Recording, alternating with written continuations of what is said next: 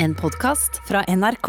Koronapandemien førte til en sterk økning blant uh, unge voksne som så på direktesendte uh, nyheter på TV, viser en ny undersøkelse. Mange unge mellom 18 og 25 år oppgir at de fulgte godt med på nyhetene da koronautbruddet kom. Ja, jeg var definitivt en av de som så mye mer på direktesendt TV. Åsavik var blant mange unge voksne som fulgte med på nyhetene denne våren for å bli oppdatert på koronasituasjonen. En ny undersøkelse utført av Kantar for NRK viser at hele 40% i aldersgruppen 18 25 så på TV-nyhetene.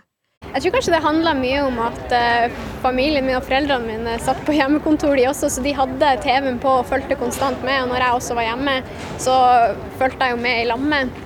Tallene inkluderer TV på nett, som VGTV og Dagbladet-TV, noe 22-åringen Are Kvanum brukte mye. Eh, så det var jo en veldig sånn boom i mars, midten av mars, når dette med korona faktisk ble en reell trussel. Sånn veldig plutselig. Så da var man litt interessert i å se hva som skjedde i nyhetene, da. Og så, etter at eh, den første boomen med nyheter begynte å gå over, så gikk man tilbake med å scrolle på NRK som vanlig. Egentlig fikk med meg de live pressekonferansene med regjeringen når de kom, for de er av interesse å se hva som kommer av tiltak. Andre funn som har kommet frem i undersøkelsen, er at Nettavisen var plattformen de unge voksne foretrakk å bruke for å innhente informasjon. Eh, I tillegg så var det jo mye ja, leste nyheter, leste aviser og sånne ting. Eh, spesielt i starten så satt jeg jo inne og refresha nettsiden hver tiende minutt for å få med meg alt som skjedde. Uh, for da var jeg litt da var jeg redd, rett og slett. Sier 22-åringen Matheus Matusak. Tallene overrasker ikke medieviteren ved Universitetet i Oslo, Gunn Enli. Altså, vi vet at uh, krisetider er en god tid for mediebruk. Uh, folk trenger informasjon uh, for å leve livene sine. Sånn at i perioder med kriser eller mer, mye turbulens, mye usikkerhet, så er det klart at mediene er det stedet hvor du orienterer deg i samfunnet, hvor du får den informasjonen du trenger. Enli tror at mange i stor grad vil fortsette å lese nyheter på nett. En god stund så kommer de til å beholde de løypene, at dette er jo faste sjekkeløyper, som vi kaller det. Hvor de sjekker inn og bare tar, tar en runde. Hva har skjedd i verden? Er det noe nytt jeg må forholde meg til? Hva må vi tenke på? For dette handler jo om en langtidspandemi. Men det kan se ut som TV-tittingen har begynt å dabbe av igjen hos mange av dem. En av årsakene kan være at TV-en ikke er like tilgjengelig blant de unge. Nå har jeg jo flytta ut siden da, og da har jeg jo ikke lenger TV. Og jeg merker at jeg følger ikke med på det på samme måte som da jeg bodde hjemme. Det gjør jeg ikke. Ja, til slutt der hørte du Åsa Vik. Reportere var Emily Eide og Heather Ørbekk Eliassen. Hvordan nå mange med nyheter fra forskningen? Det er målet til en molekylær biolog, forsker ved Universitetet i Bergen, Marta Eide, og det skal skje ved å bruke sosiale medier. Marta Eide, god morgen. God morgen. Når du nå får en, og har, en både blogg og en Instagram-konto Martha, Marta, Marta, eh, også understrek eh, forsker, hva er det du vil si? Ja, jeg ønsker i utgangspunktet å gjøre forskning mer tilgjengelig. Og åpne opp for litt mer dialog mellom forskning og samfunnet. Sånn at folk kanskje kjenner mer eierskap i forskning og i hva resultatene hvordan det påvirker livene våre. Um, ja. Så jeg prøver kanskje å nå de som ikke aktivt oppsøker forskning.no og kronikker og sånt, men som er interessert i tema som miljøgifter og bioteknologi, uh, som er de temaene jeg fokuserer på.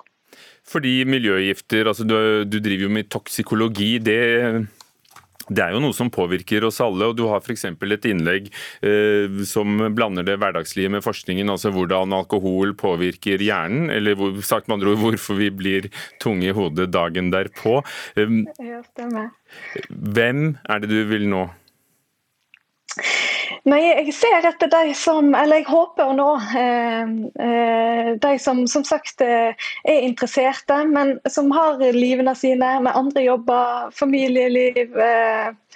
Ja, men at de da kan bruke Instagram-kontoen til å scrolle når de sitter på Bybanen eller i sofaen på kvelden. At det skal være litt lett tilgjengelig, målet. Vil du gå så langt som å kalle deg selv for påvirker eller influenser, sånn som de som kanskje skriver mer om reising og trening og kosthold?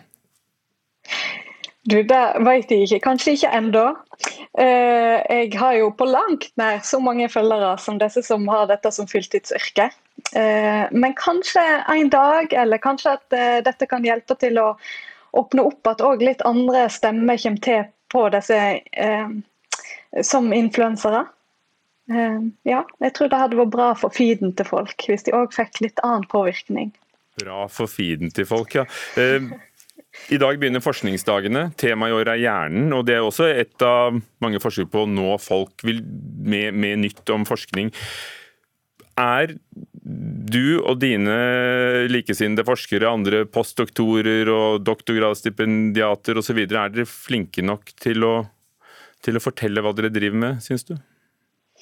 Oi, eh, Vi kan alltid bli flinkere, tror jeg.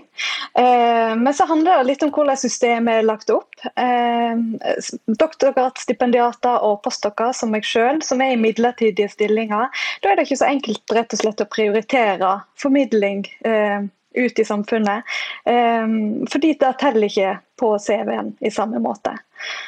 Men så er det eh, kanskje sånn at vi, vi legger veldig vekt på å være folkelige nå at kanskje noen må få lov til å, å sitte og drive med grunnforskningen og molekylærbiologien sin, og så kan andre som har lyst til det som deg, fortelle om hvordan det både er å være småbarnsmor og, og forsker?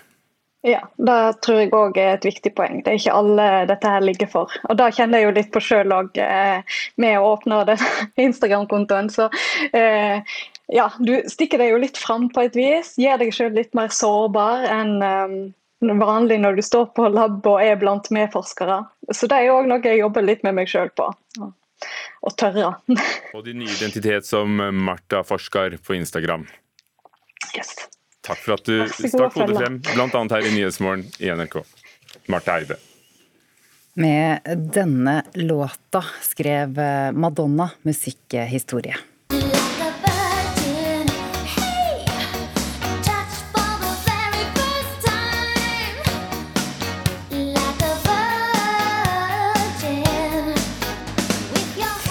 Hun har solgt mer enn noen andre kvinnelige artister. Hun har beholdt denne posisjonen som altså tidenes bestselgende kvinne. Et ikon i underholdningsbransjen. Nå blir det film, og den skal hun selvfølgelig lage selv, eh, kulturreporter Thomas Alvarstein Boe. Ja, det blir en spillefilm om hennes eh, liv, og det skulle være nok materiale å ta av. Hun har vært eh, i rampelyset i fem tiår. Um, og hun har satt spor som både skuespiller, regissør, forfatter og entreprenør, og i tillegg eh, selvfølgelig som uh, artist. Universal Pictures de skal lage filmen, og de skriver i en pressemelding at Madonna har bidratt til å endre vår forståelse av kunst, seksualitet, feminisme og kvinners plass i underholdningsindustrien. Og det kan vel ha noe rett i det. Mm. I eh, hvilken grad er hun da involvert selv i dette prosjektet? I stor grad. Eh, hun skal regissere filmen, hun skal produsere den, og hun skal skrive manus. Riktignok sammen med mm, Diablo Cody, som vant Oscar for manus til filmen Juno i 2008. Som Madonna sier selv, jeg har så mange inspirerende historier som ikke er fortalt, og hvem er vel bedre til å fortelle dem enn meg selv? Hun har litt selvtillit. Eh, hvor spesielt er det at hun eh, har såpass sterk eh, innflytelse på, på denne filmen? De siste to årene har vi jo sett Unnskyld, de siste årene har vi sett to andre store filmer om artister av denne typen. 'Bohemian Rhapsody' om Queen-vokalist Freddie Mercury og 'Rocketman' om Elton John. Og De da gjenværende Queen-medlemmene de hadde stor innflytelse over hvordan vokalisten deres ble fremstilt på lerretet. Og når det gjelder Rocketman, så var både Elton John og hans partner produsenter på, eh, på den filmen. Altså, da lukter det suksess av, eh, av dette prosjektet for Madonna også, kanskje?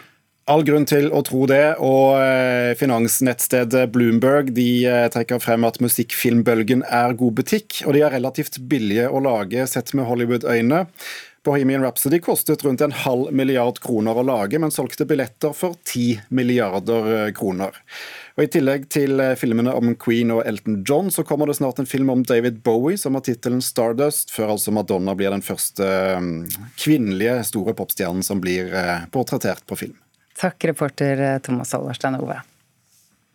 Vi har hørt om det i flere dager allerede, men Disney Disney har lansert Disney Pluss, som er en strømmetjeneste. Allerede har 60 millioner i verden tegnet abonnement, og nå kan altså nordmenn gjøre det. Sigurd Vik, filmkritiker her i Filmpolitiet i NRK. Hva er bra med den nye strømmetjenesten? Det er jo veldig bra å få tilgang til Disneys rikholdige arkiv. Og det er ikke bare Disney-filmer her. Disney har nå også Pixar-filmene, så du får de animerte filmene der.